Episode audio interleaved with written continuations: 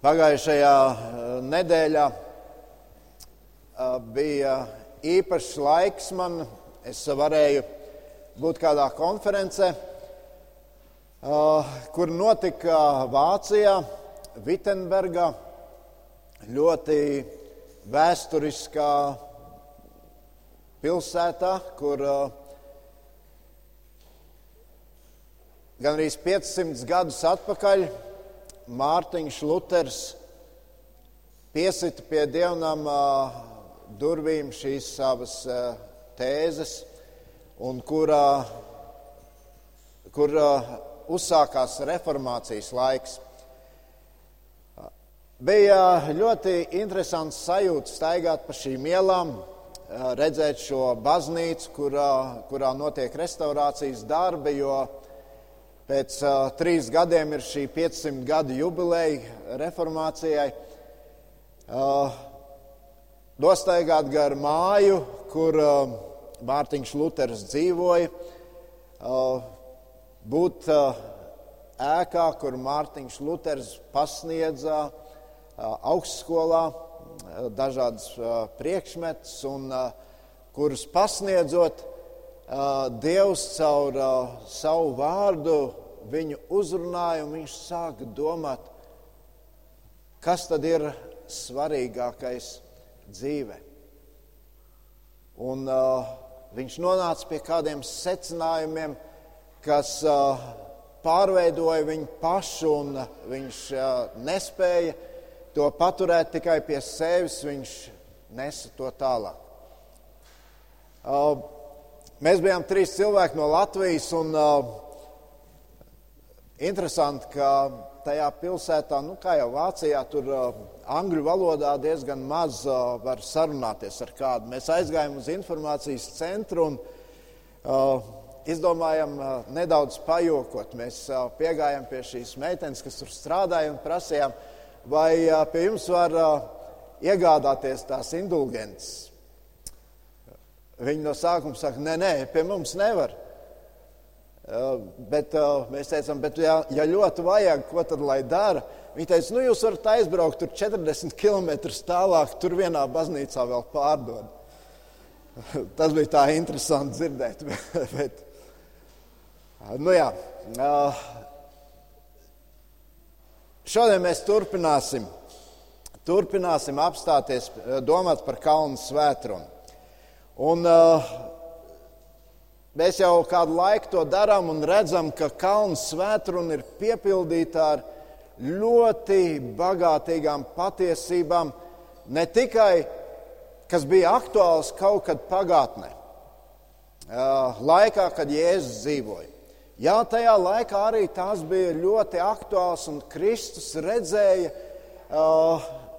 šīs problēmas, kas bija cilvēkiem, un viņš deva kādu risinājumu. Uh, tas, ko mēs lasām Kalnu svētkrunā, tas ļoti tieši skar katra mūsu dzīvi. Un uh, mēs tā ejot soli pa solim redzam, ka Kristus, uh, sakot šo svētkrunu, viņš skar katru uh, sfēru, kas ir ļoti nozīmīga arī mums, kas nosaka, kāda ir mūsu dzīve. Un šodien es gribu kopā ar jums apstāties pārdomās pie vārdiem, ko lasām no Mateja, 5, Mateja evaņģēlīja 5. nodaļas, no 33. līdz, no 33. līdz 37. pantam. Atvērsim Bībeles, izlasīsim šos vārdus kopīgi. Un tur ir tā rakstīts. Jūs vēl esat dzirdējuši, ka tēvu tēviem sacīts: nelauz zvērestu un pildi, ko kungam esi zvērējis. Bet es jums saku, jums vispār nebūs zvērēt. Nec pie debesīm, jo tās ir Dieva tronis, nec pie zemes, jo tā ir viņa kaisols, nec pie Jeruzalemes, jo tā ir lielā ķēniņa pilsēta. Nezvēri arī pie savas galvas, jo tu nevari pat vienu matu padarīt baltu vai melnu lai jūsu vārdi ir jā, jā Un nē, nē. Kas pāri par to, tas ir no ļaunā. Vēl ir ļoti interesanti vārdi.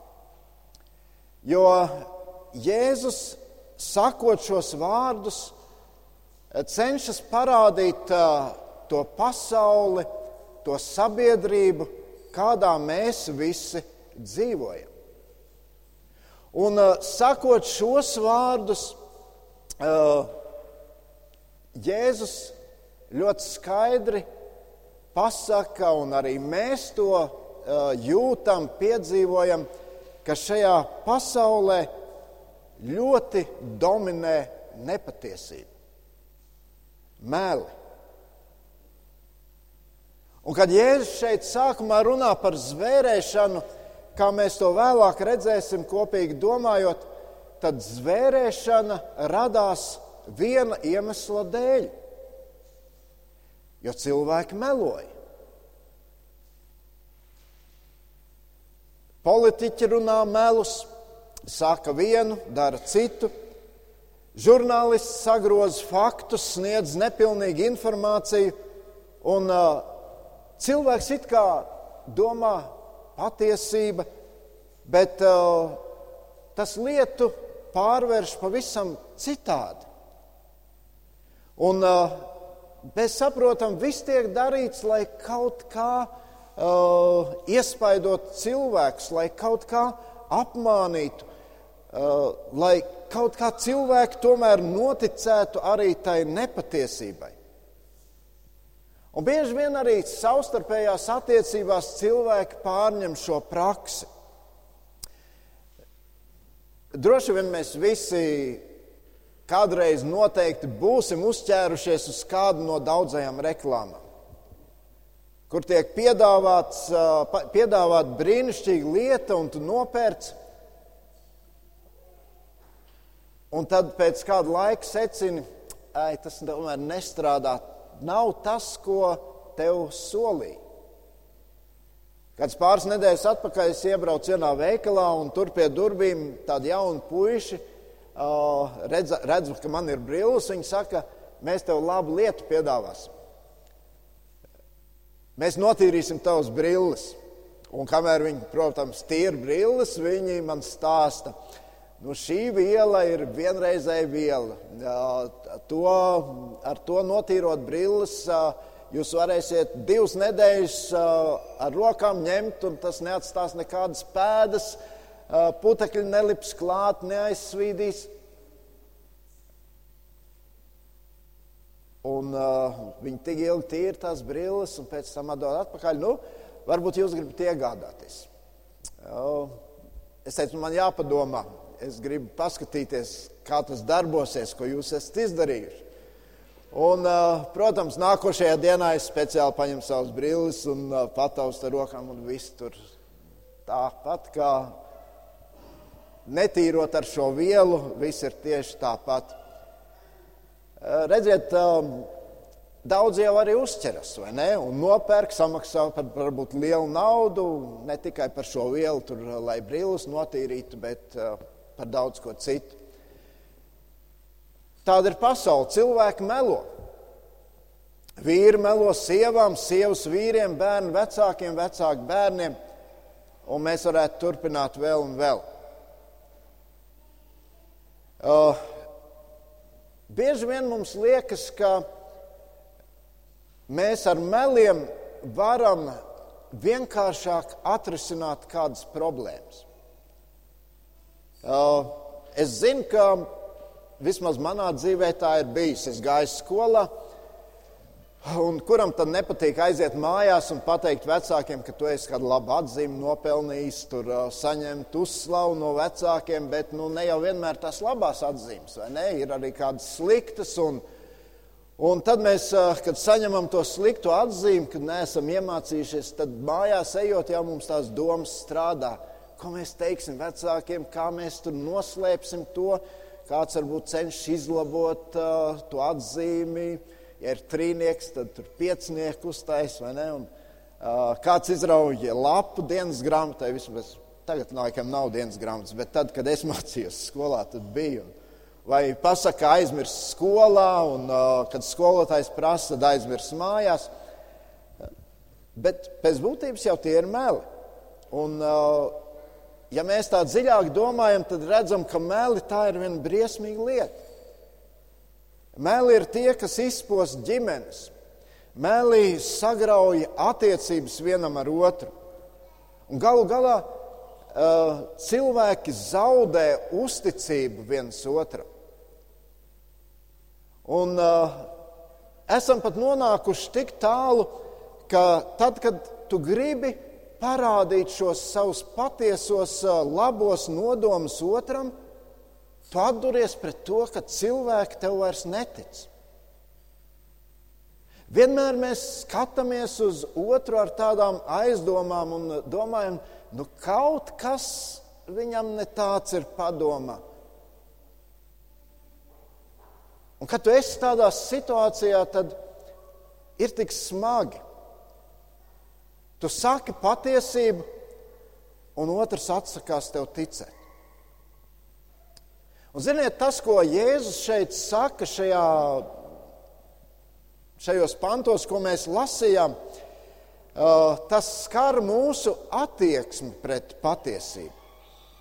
Un svarīgi tas ir arī tāpēc, ka mēs varam novērot melus arī reliģiskā sabiedrībā. Un mēs, lasot jauno derību, tur daudz redzam, ka jau Jēzus laikā Jēzus ļoti asi vērsās pret farizējiem un rakstu mācītājiem. Jēzus pat atklāti saka, ka viņi melo. Bet tā sakne, kāpēc tas tā notiek, ir tajā, ka mēs cilvēki pielaižam pārāk daudz kompromisu attiecībā pret patiesību.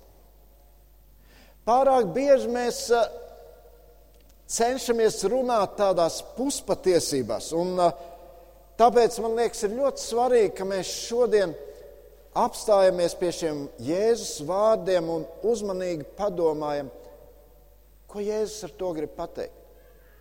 Un kā šie vārdi skara šodien mūs. Mateja evaņģēlīja 15. nodaļā Jēzus runā uz farizējiem un rakstu mācītājiem, un tad viņš citē pravieti Iesai, tur 8. un 9. pantā. Viņš saka, Jēzus saka, šī tauta godā mani ar mēli, bet viņu sirds ir tālu no manis. Tie man velti izrāda godbijību, mācīdam mācības, kas ir cilvēku pavēles. Interesanti, ka Jēzus saka šos vārdus, un jau pravietis Iesai šos vārdus saka par cilvēkiem, kuri bija reliģiozi cilvēki, kuri gāja baznīcā. Vēl vairāk viņi bija pat draudzes līderi. Viņi mācīja citus. Sacīdami, Dievs tā saka, kaut gan tās bija viņu pašu pavēles. Un bieži vien mēs to varam novērot arī šodien mūsdienās. Tāpēc man liekas, ir tik ļoti svarīgi šajos Jēzus vārdos saklausīt šo galveno domu, kur Jēzus grib pateikt, dzīvo patiesu dzīvi, nemelo, neliekuļo. Bet tas pirmais jautājums, uz ko mēs mēģināsim atrast atbildi, ir, kāpēc cilvēki melo? Un uh, apstāsimies pie šī jautājuma, uh, lūkosimies Bībelē, lai saprastu, kāpēc, kāpēc meli, nepatiesība ir tik ļoti cieši saistīta ar, saistīti ar katra cilvēka dzīvi. Un pirmkārt, tas ir tāpēc, ka šajā pasaulē notiek nepārtraukta cīņa par ietekmi uz cilvēku. No vienas puses tur ir Dievs kā radītājs, un tur ir viņa likumi, un tur ir arī šis ļaunais, tur ir šī sātana ietekme. Pēc tam, kad cilvēks krita grēkā, mēs redzam, ka tur valda vairs nevis tikai šie dieva dotie likumi, Bet tur jau sāk iedarboties uz cilvēku šie sātana izstrādātie noteikumi. Un interesanti ir, kad mēs to vērojam, tad mēs redzam, ka sātana stratēģija sākas ar to, ka viņš cenšas dezinformēt cilvēku, sabiedrību.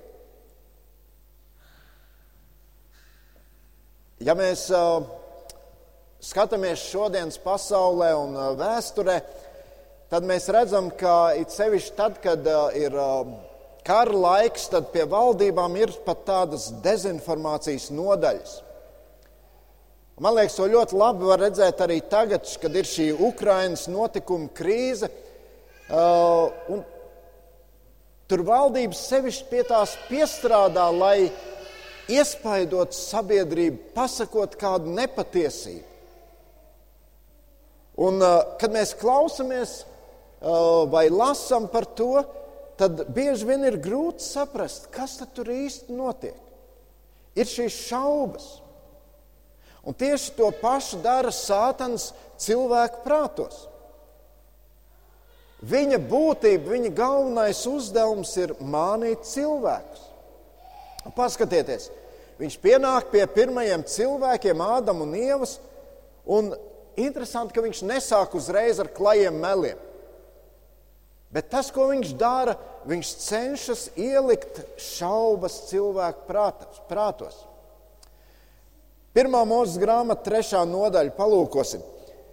Pirmajā pantā mēs lasām, bet čūska bija vismanīgākā no visiem lauku zvēriem, kurus kungs Dievs bija taisījis, un viņa teica sievai, vai tiešām Dievs sacīja, no visiem dārza kokiem jūs nevarat ēst.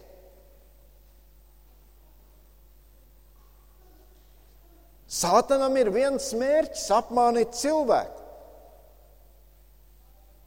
Viņš cenšas panākt, lai cilvēks viņam noticētu.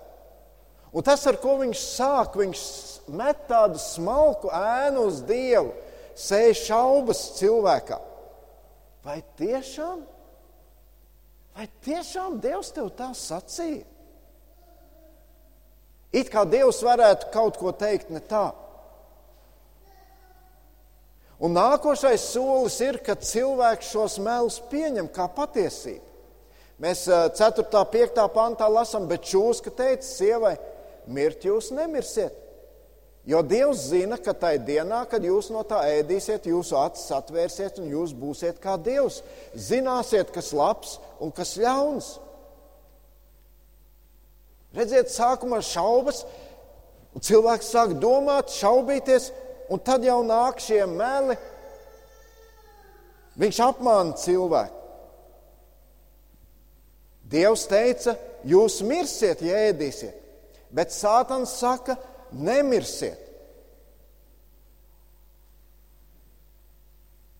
Tikai Dievam ir tiesības noteikt, kas ir patiesība un kas nav.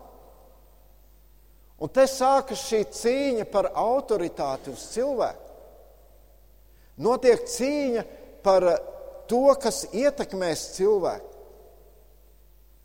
Un, kad mēs šajā notikumā tālāk skatāmies, mēs redzam, ka pirmie cilvēki rīkojās balstoties uz šiem meliem.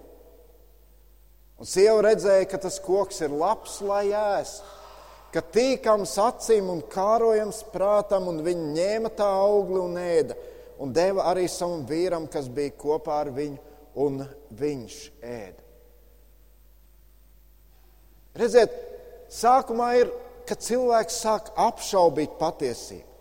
Tālāk viņš jau pieņem šos melus kā patiesību, un tad viņš rīkojas balstoties uz šiem melu, meliem. Un tas, ko mēs redzam tur pie pirmiem cilvēkiem, tas, ko mēs redzam, ir Šodien cilvēku dzīvē, un varbūt pat savā dzīvē, to esam novērojuši, ka tad, kad tas notiek, no tā brīža cilvēka dzīve mainās.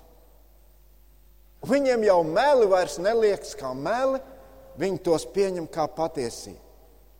Jēzus Jāņa evanģēlijā 8. nodaļā, 44. pantā atkal runā uz farizējiem. Viņš saka ļoti svarīgus vārdus. Es nolasīšu. Jūs esat no sava tēva vēlna, un jūs gribat darīt sava tēva kārības. Viņš no iesākuma ir bijis cilvēku slepkava un nav pastāvējis patiesībā, jo viņā nav patiesības. Kad viņš runā melus, viņš runā to, kas ir no viņa paša, jo viņš ir melis un melu tēvs. Jēzus ļoti skaidri saka, meli nāk no melu tēva vēlna. Un, mīļie draugi, ja tu nevēlies nekādas saistības ar sātanu, nepielaid savā dzīvē melus. Mēs visi ciešam no meliem. Otrs iemesls, kāpēc cilvēki melo, ir tas, ka cilvēks nav apmierināts ar sevi. Ka viņš salīdzina sevi, sevi ar citiem un viņš secina, nē, es tomēr gribu būt labāks nekā otrs. Un kaut kādā veidā cenšas sevi paaugstināt. Cilvēks noticēja Sātanam, ka viņš var būt kā dievs ka viņš var ieņemt centrālo vietu, ka viņš ir tas, kuru ir jāpielūdz, ka viņš ir tas, ar kura gribu ir jārēķinās. Apostols Pāvils romiešiem raksta pirmajā nodaļā, jo Dievu pazīdami tie viņu nav godājuši kā Dievu un nav viņam pateikušies, bet kļuvuši domās tukši un viņu, neprātīga, viņu neprātīgā sirds ir aptumšojusies, apgalvodami, ka ir gudri, tie kļuvuši muļķi. Redziet, cilvēks negribēdams pakļauties dievam, viņš sāk izkropļot dzīves vērtības. Melus uzskata par patiesību, un patiesību uzskata par meliem. Un vēl te apustulis Pāvils saka, pirmajā vēstulē korintiešiem 1,18. Viņš saka, vēstījums par krustu ir muļķība tiem, kas iet pazušanā, bet tiem, kas tiek izglābti, tas ir Dieva spēks. Tā lielākā problēma ir, ka cilvēks uzņēmās Dieva tiesības noteikt, kas ir labs un kas ir ļauns kas ir pareizi un kas ir nepareizi. Bet ir ļoti, ļoti būtiski saprast, ka tās ir tiesības, kas pieder tikai Dievam. Un tad, kad mēs kā cilvēki sākam šīs tiesības piesavināties, tad gribam mēs to vai negribam. Mēs kļūstam par šīs sātana ideoloģijas piekritējiem. Dievam un tikai Dievam ir tiesības noteikt mūsu dzīvi. Un tas ir labākais, ko mēs varam darīt, kad mēs paklausām Dievam. Viens notikums no vecās derības. Atcerieties, tur ir uh, jēkabs, un uh, viņam ir brālis. Viņi konkurē savā starpā. Viens uh, ir tuvāks tētim, otrs mammai. Un tur ir jēkabs, viņš iet pie sava tēva un melo savam tēvam. Iemesls? Iemesls tāpēc, ka viņš grib saņemt šo pirmdzimtā dēla svētību. Kaut gan viņam tā nepienācās. Bet viņš skatījās uz to kā lielu vērtību, kas viņam dzīvē varētu noderēt. Un viņš tur apmāna savu brāli, uh, nopērk uh, šīs tiesības uh, mantot šo pirmdzimtību. Bet, lai to iegūtu, viņš melo. Viņš melo savam tēvam, un tur vēl ir viņa mīļā mamīte, kur arī iesaka to darīt, un vēl pamāca un palīdz izstrādāt plānu, lai tēvs šiem meliem noticētu. Bet tas iemesls ir tikai viens. Viņš gribēja būt augstāks, vērtīgāks par savu brāli. Gribēja drusku vairāk. Redziet, tad, kad mēs skatāmies uz savām dzīvēm, nu padomājiet, vai bieži vien tas iemesls nav tas, tajā brīdī, kad mēs melojam, kad mēs sakam nepatiesību. Tas notiek tāpēc, lai mēs būtu augstāki, lai cilvēki labāk par mums domātu. Un vēl viens iemesls, kāpēc cilvēki melo, ir, lai noslēptu savu grēku. Atcerieties tādu vīru kā Simpsons. Tas bija tas vīrs ar gariem matiem, kuru Dievs bija apveltījis ar pārdabisku spēku. Kā jau jauns cilvēks, viņš ieskatījās kādā meitenē, apprecējās, Viņš darīja, izdarīja to, kaut gan viņš skaidri zināja, ka viņš nedrīkstēja precēties ar šo meiteni, jo dieva likums skanēja, ka tu nedrīksti apprecēt uh, meiteni no pagānu, tauts, pagānu tautām. Bet Simpsons to izdarīja. Un tad viņš nostāda sevi situācijā, kur viņš bija spiests melot. Tur ir šī viņa sieva, Delila, un viņa jautā uh, Simpsonam, klausies, vīrs, pasaki man, kurš slēpjas šis spēka noslēpums, kas tev ir?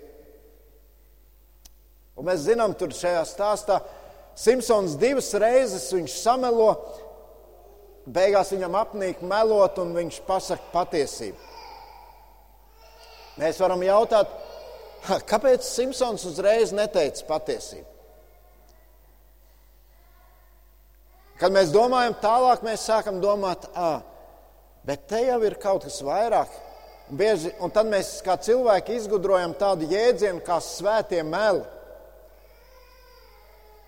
Un mēs teicām, nu, vispār jau viņš šajā situācijā varēja vēl trešo reizi samelot, un viss būtu bijis labi. Bet, ziniet, tā sakne jau ir tajā, ka Simpsons pats sevi nolika šajā situācijā, kur viņš ir spiests melot. Un mēs zinām, pie kāda rezultāta noveda arī šie viņa tā sauktie svētie meli. Pie traģēdijas. Ģimene tika izpostīta, Tauta piedzīvoja traģēdiju, jo Simpsonam bija šī tauta jāizstāv. Galu galā viņš pats arī aizgāja bojā. Redziet, šis notikums mums ļoti skaidri parāda, kā ar meliem tu nekad nepanāksi uzvaru. Agri vai vēlu. Patiesība ir tā, kas uzvar. Un tāpēc Jēzus saka šeit šos vārdus, lai jūsu jā ir jā un nē ir nē. Mēs tik daudz par meliem runājam, bet um, mēs jau visi to zinām, ka melot ir slikti, vai ne? Uh, domājot par šīs dienas tēmu, es atradu kādu socioloģisku aptauju, kur uh, tika noskaidrots, ko cilvēki domā par meliem. Un interesanti, ka 50% no tiem, kas atbildēja, viņi uzskata, ka melot drīkst. Un 50% uzskata, ka melot nedrīkst. Bet vienalga mēs esam spiesti melot.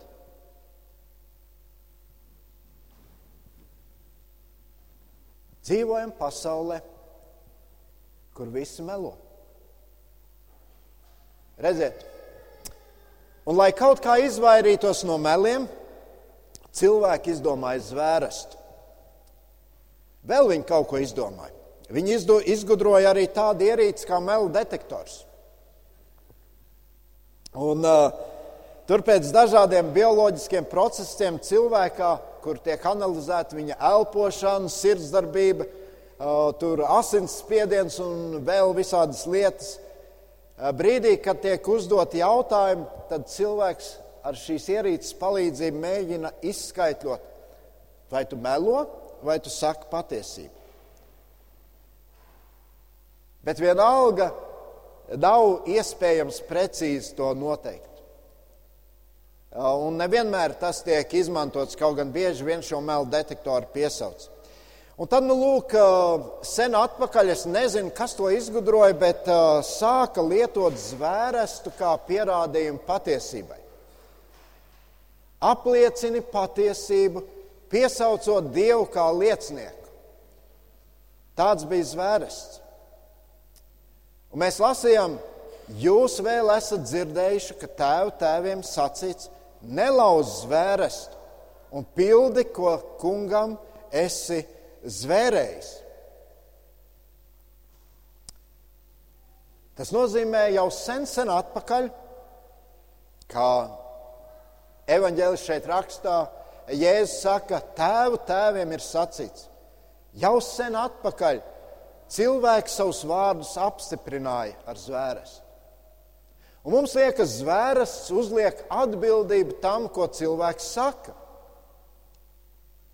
4. mūzes grāmatā, 30. nodaļā, 2. un 3. pants, Mūzes sacīja Izraēla dēlu cilšu galvenajiem. Tā ir pavēlējis kungs. Ja vīrs ko apsola kungam vai apzvēr ar zvērestu, ka no kaut kā atsacīsies, lai nelauž savu vārdu, lai dara visu, kā teicis. Redziet, Dievs jau tajā laikā caur mūzu saka cilvēkiem, ka visapkārt ir meli un liekulība. Bet ir situācija, kur jums ir jāsaka patiesība. Un tāpēc, ja jūs esat zvērējuši, Dievvvārds saka, tad noteikti to izpildiet. Kā jau es teicu, nav zināms, kad cilvēki pirmo reizi izra, izmantoja zvērestu, bet uh, svētajos rakstos uh, pirmo reizi zvērests ir pieminēts situācijā starp Ābrahāmu un Abimelehu, kur viņi noslēdz mieru līgumu. Uh, tas ir pēc tam, kad ir piepildījies Dieva uh, dotais apsolījums Ābrahamam, kurš, starp citu, arī Dievs apstiprina un zvērēja. Kad Ābrahamam ir piedzimis dēls, un viņš zina, ka viņš mantos zemi, ko Dievs viņam ir apsolījis. Un tad viņš noslēdz līgumu ar šīs zemes ķēniņu un apstiprina to ar zvērestu. Pirmā mūzes grāmata, 21. nodaļa. Tas ir rakstīts, Tajos laikos notika tā, ka Abimeleks un Pihols, viņa karaspēka pavēlnieks, teica Abrahamam: Dievs ir ar tevi it visā, ko tu dari. Un tagad zvēri man šeit pie Dieva, ka nekrāpsi mani un manus pēcnācējus, bet darīsi man un zemē, kur tu mīti, tikpat labi, kā es darīju tev. Un Ābrahāms teica: Es zvēru. Ļoti nopietni, vai ne? Zvērot, Ābrahāms apstiprina, ka tas tā tiešām būs. Otrā laika grāmatā ir aprakstīta cita situācija, kad notika tautas atzimšana un ķēniņš asa uzrunā tautu, un mēs tur lasām otrā laika 15. nodaļa.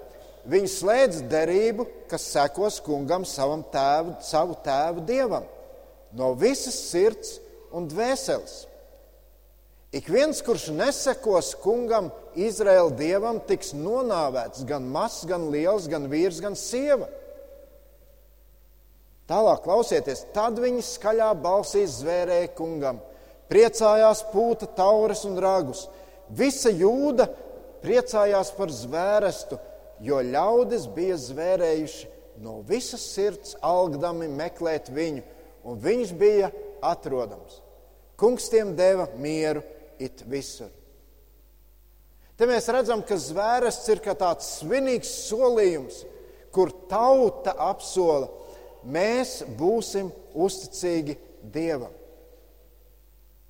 Un kā jau es sacīju, svētajos rakstos mēs lasām arī to, ka Dievs arī zvērēja. Kaut gan mēs saprotam, ka Dievam nav nepieciešams zvērēt.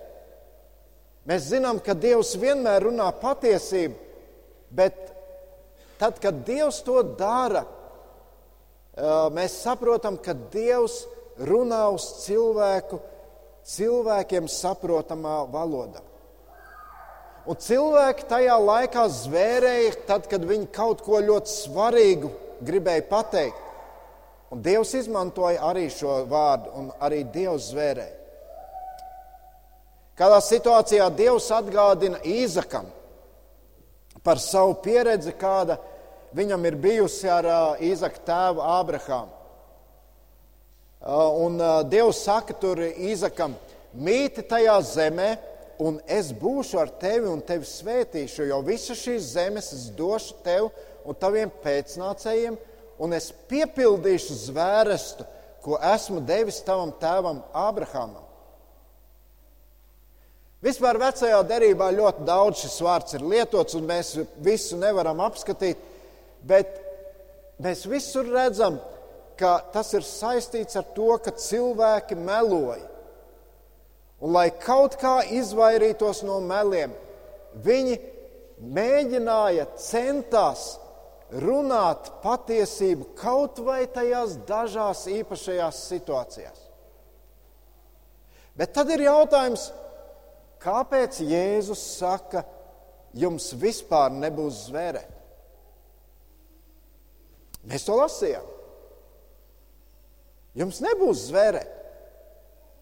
Lieta tāda, ka cilvēki atrada iespējas, kā viņi var melu, melot, arī tad, ja viņi dod zvērestu.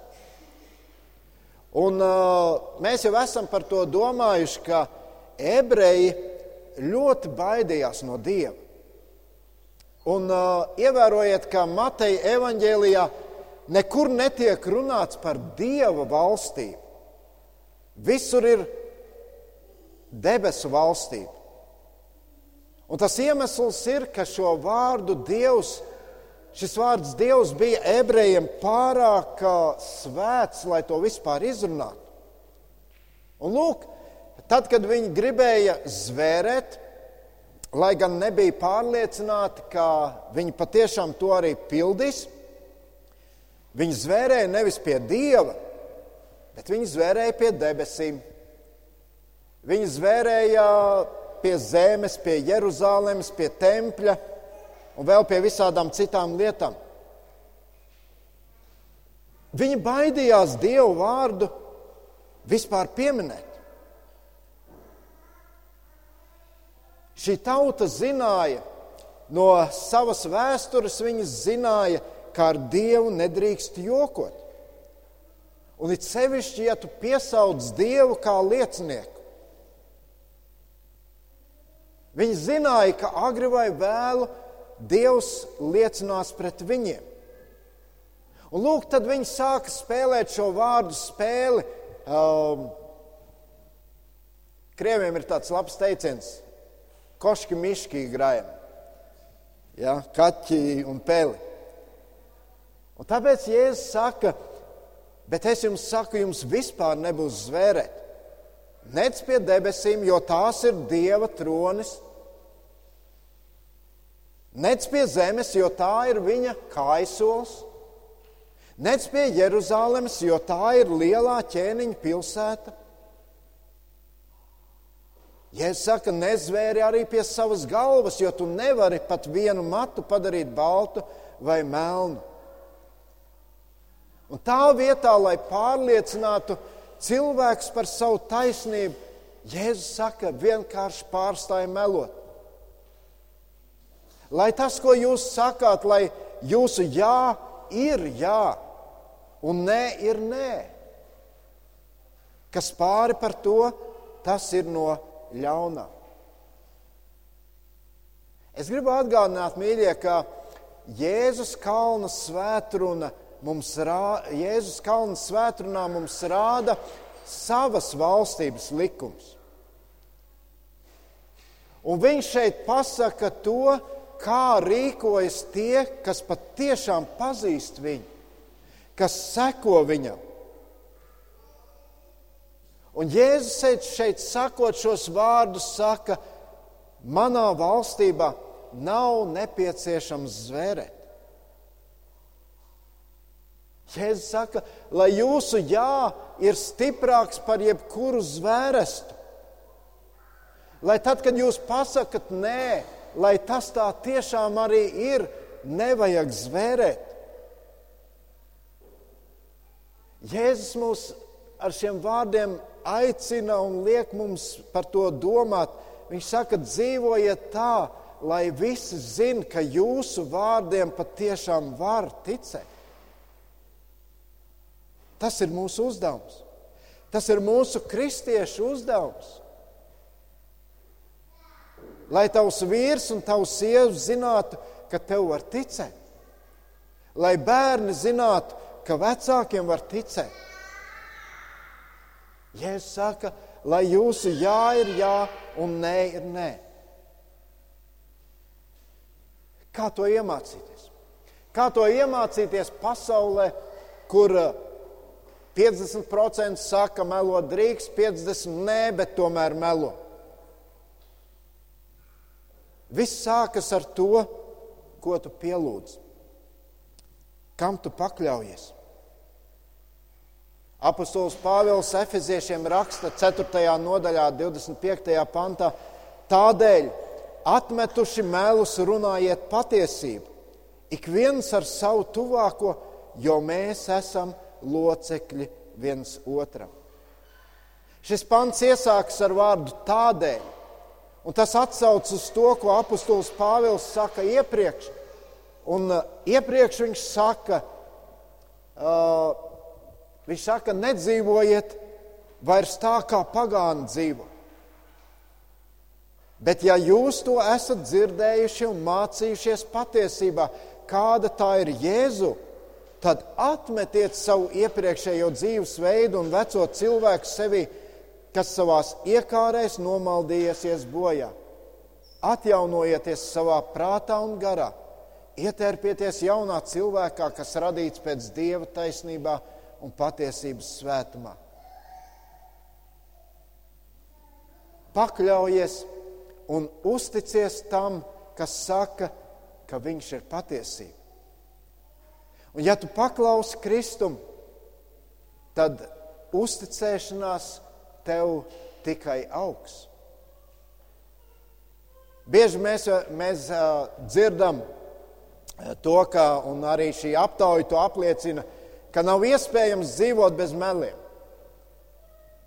Un arī balstoties uz kādu socioloģisku aptauju, tur zinātnieki, kuri šo lietu pētīja, viņi ir izdarījuši tādu secinājumu.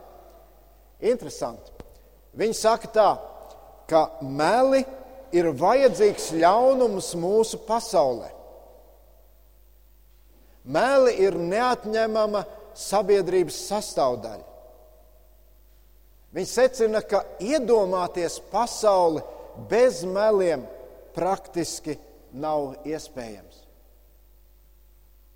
Un tad mums skaidrāk kļūst šie vārdi, ko Jēzus saka: nemīliet pasauli, nec to, kas ir pasaulē.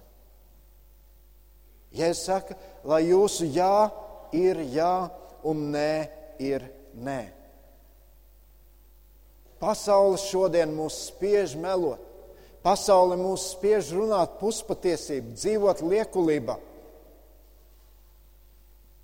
Jēzus bija pirmais, kurš apgāza šos apgalvojumus, jo Iesai jau saka par viņa viltus nebija uz viņu lūpām. Jēzus dzīvoja šajā pasaulē, viņš nemeloja. Viņš dzīvoja sabiedrībā, kur visi meloja un liekuļoja. Viņš bija patiesa. Viņš ir paraugs. Viņš ir piemērs, kuram seko viņa bērni. Mīļie, man liekas, tas ir ļoti nozīmīgs izaicinājums, ko Jēzus ar šiem vārdiem sniedz mums šodien. Dzīvo nemelojot, dzīvo bez liekulības. Lai ik viens par mums var teikt, jā, es zinu, ka tas, ko viņš saka, tiešām to arī nozīmē.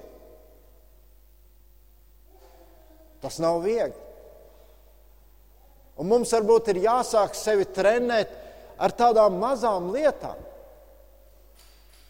Nu, kaut vai, ja tu esi solījis kādam desmitos būt un tikties, tad esi desmitos. Vēl daudz, daudz citas lietas. Esi tas, kas tu esi, necenties kaut kā sevi padarīt labāku citu cilvēku acīs. Mateja evaņģēlijā 23. nodaļā mēs lasām šos Jēzus vārdus, vai jums rakstu mācītāji un farizēji, jūs liekuļi, jūs šķīstījat biķeru un šķīvi ārpusi, bet iekšpusē ir pilna laupītkāras un izlaidības. Aklo farizēji šķīstīja vispirms biķeru iekšpusi, tad arī ārpuse būs tīra. Vai jums rakstu mācītāji un farizēji, jūs liekuļi, jūs esat līdzīgi nobalsinātām kapenēm, kas no ārpuses izskatās skaistas, bet no iekšpuses pilnas miroņu kauliem un visādām nešķīstībām. Tāpat arī jūs no ārpuses jūs cilvēkiem rādāties taisni, bet savā iekšienē jūs esat pilni liekulības un ļaundarības. Traģiski. Traģiski, ja cenšamies būt labāki nekā mēs esam. Ja cenšamies piesakt savus grēkus, kaut kā sevi attaisnot, kaut gan skaidri zinām, kas ir patiesība. Bībeli saka, agri vai vēlu, viss nāks gaismā. No Dieva nav iespējams neko noslēpt. Un tāpēc mans aicinājums ir uztic savu dzīvi Dievam, paklaus Dievam, ņem savai, savā dzīvē Dievu kā galveno autoritāti, viņa vārdu kā tam, kam tu seko un kam tu paklausi. Mēs lasījām ievadā, kungs, kurš mitīs tavā teltī, kurš mājos tavā svētajā kalnā, kas staigā krietnumā un dara taisnīgi un runā patiesību savā sirdī, kas netenko ar savu mēli, kas kaimiņam nedara ļauna, kas neceļ neslavu tuvākajam. 101. psalmā viltus būs nos no manis, es ļaunuma nepazīšu, kas apmeļo slep, slepus savu kaimiņu, tādu es izdeldēšu, kas nicīgi skatās un ir augstprātīgs, to es necietīšu.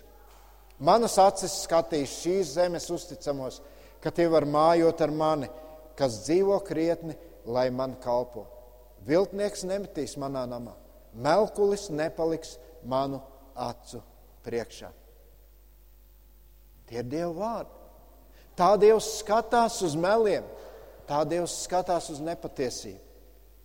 Un tāpēc Jēzus saka, lai jūsu jā ir jā un nē ir nē. Tas nav iespējams citādi, kā tikai tad, kad Dievs maina mūsu dzīvi. Un šī izmaiņa notiek tad, kad tu nodod savu dzīvi Dievam, kad tu pakļaujies Viņam, kad tu pakļaujies Dieva vārda autoritātei, pieņem šos Dieva dotos noteikumus un dzīvo pēc tiem. Un ja tavi vārdi Jā ir jā, un nē ir nē. Tad tev nevajag zvērēt. Jo tu tāds esi pēc savas būtības. Lūksim Dievu. Devis Tēvs, paldies Tev, ka Tu tik skaidri šīs lietas atklāji. Kaut gan mēs bieži vien cilvēki cenšamies to visu sarežģīt. Bet, kungs, Tu aicini šodien mums būt patiesiem. Patiesiem arī atzīstot savus vainas, savus grēkus, savus melus, ar ko mēs varbūt esam mānījuši paši sevi un cenšamies mānīt citus. Un domājam, ka varēsim apmānīt arī tevi. Bet tas neizdodas. Paldies, ka tavs vārds šodien būs skaidri aicina būt patiesiem. Kungs, un tādēļ man lūkšana ir šķīstī mūsu. Paņem prom visu to, kas ir bijis. Paldies, ka tu ieliec mūsu dzīvē caur savu vārdu šo jauno redzējumu, jauno skatījumu. Kad mēs varam redzēt, ka ir iespējams arī dzīvot citādi Kungs, Jēzu, tu toreiz raudzījies uz šiem ļaudīm, kas bija tavā priekšā, un tu sacīji šos vārdus. Un tu redzēji to situāciju, kādā viņi bija. Un tu redzi arī mūsu šodien. Un paldies, ka šodien arī šie vārdi ir tik svarīgi un tik aktuāli. Kur mēs redzam, ka cilvēki zaudē uzticību viens otram. Dievs palīdz man, palīdz katram no mums būt patiesiem, lai tiešām mūsu vārdi, ja mēs sakam jā, tad lai tie ir jā. Ja sakam nē, lai tas ir nē. Paldies par šo atgādinājumu.